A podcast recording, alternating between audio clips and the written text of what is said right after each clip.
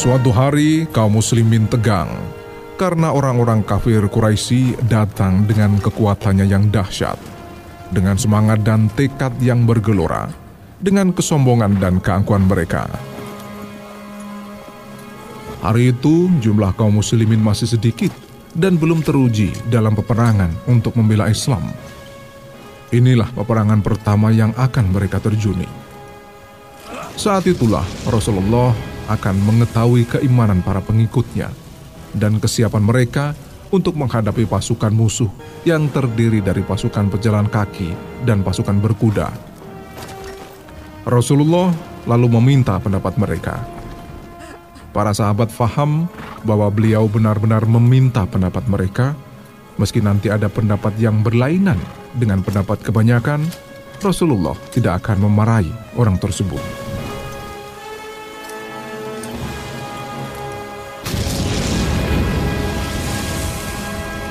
Migdad khawatir jika ada di antara kaum muslimin yang masih berpikir seribu kali untuk melakukan peperangan.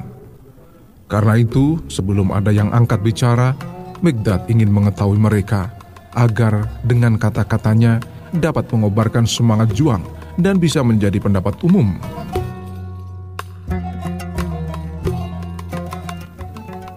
Tapi sebelum ia menggerakkan kedua bibirnya, Abu Bakar As-Siddiq sudah mulai bicara apa yang dikemukakan Abu Bakar sangat baik.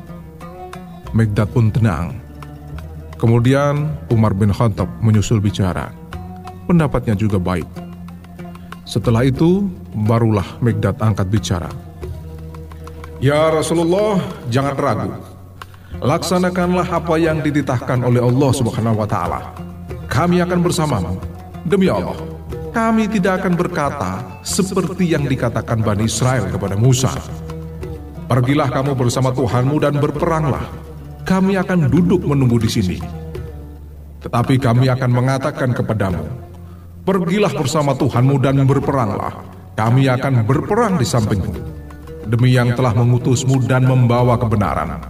Seandainya engkau membawa kami menerjuni lautan lumpur, kami akan patuh. Kami akan berjuang bersamamu dengan gagah berani hingga mencapai tujuan dan kami akan bertempur di sebelah kanan dan di sebelah kirimu, di bagian depan dan di bagian belakangmu, sampai Allah Subhanahu wa Ta'ala memberimu kemenangan.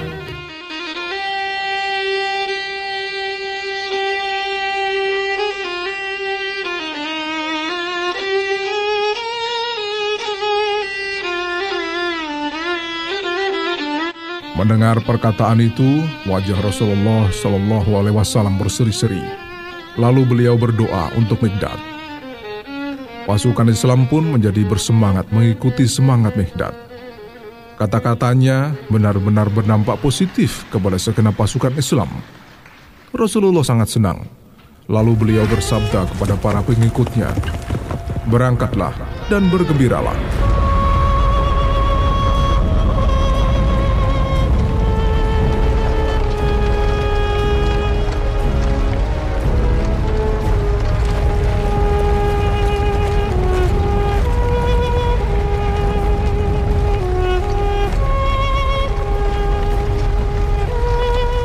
Sesaat kemudian, kedua pasukan berhadapan.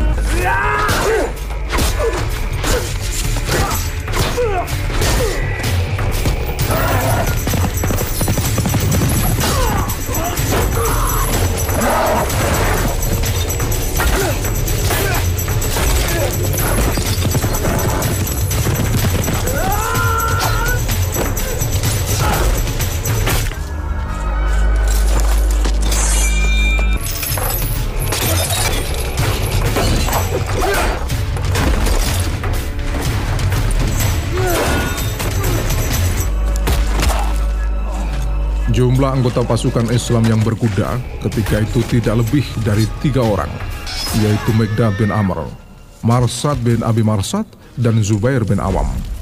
Sementara yang lain berjalan kaki atau menunggang unta. Namun dengan kekuatan yang kecil itu, pasukan muslimin berhasil mengalahkan kaum Quraisy pada Perang Badar.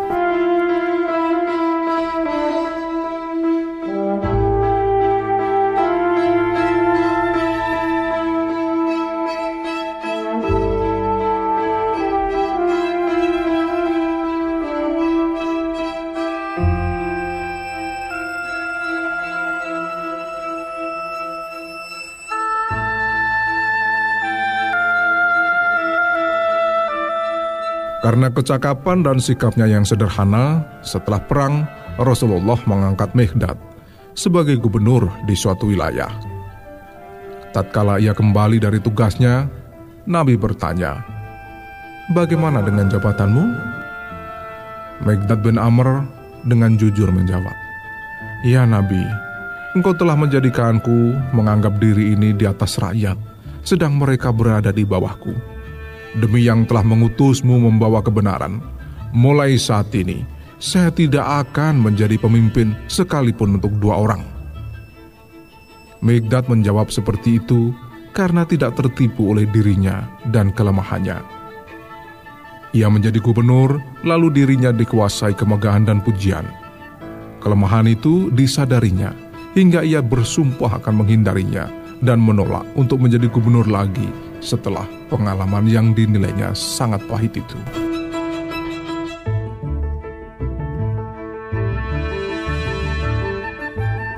Ia akhirnya menepati janji itu. Sejak saat itu ia tidak pernah menerima jabatan sebagai pemimpin.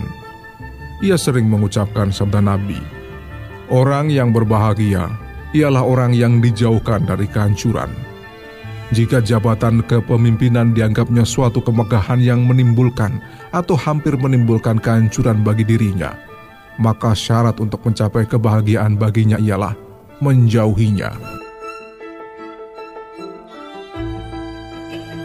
Di antara sikap bijaknya adalah kehati-hatiannya dalam menilai orang. Sikap itu juga ia pelajari dari Rasulullah Shallallahu Alaihi Wasallam yang telah menyampaikan kepada umatnya berubahnya hati manusia lebih cepat dari periuk yang sedang mendidih.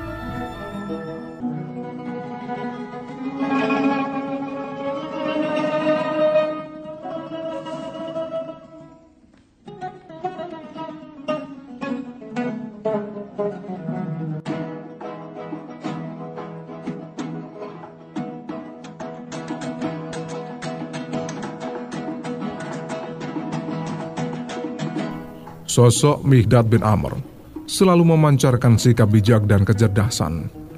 Setiap tindakan dan ucapannya membuktikan ia adalah orang yang bijak dan memiliki pola pikir yang mendalam. Kecintaannya kepada agama Islam tak terukur dalam dan besarnya. Cinta yang sangat mendalam dan tertata menjadikan pemiliknya sebagai orang yang sangat istimewa. Ia tidak pernah berhenti pada rasa cinta, tapi tahu akan semua konsekuensinya. Cintanya kepada Rasulullah menumbuhkan rasa tanggung jawab atas keselamatan Rasulullah Shallallahu Alaihi Wasallam.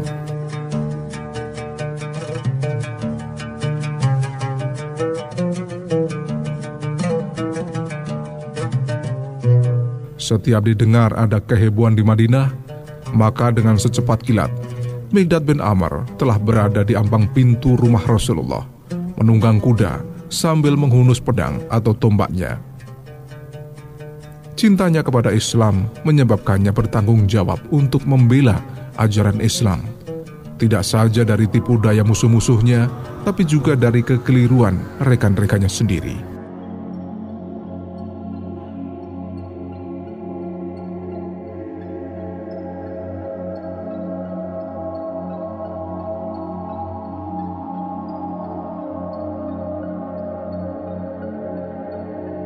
Suatu ketika, ia berada dalam pasukan kecil yang berhasil dikepung oleh pasukan musuh.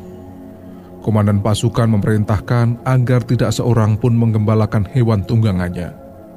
Tapi salah seorang anggota pasukan itu tidak mengetahui larangan itu dan melanggarnya.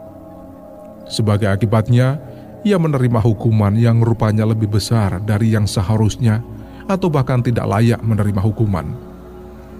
Meghdad lewat di depan orang yang terkena hukuman itu orang itu sedang menangis dan berteriak-teriak. Ketika ditanya, ia mengisahkan apa yang telah terjadi. Mehdad lalu menggandeng tangan orang itu dan diajak pergi menghadap sang komandan.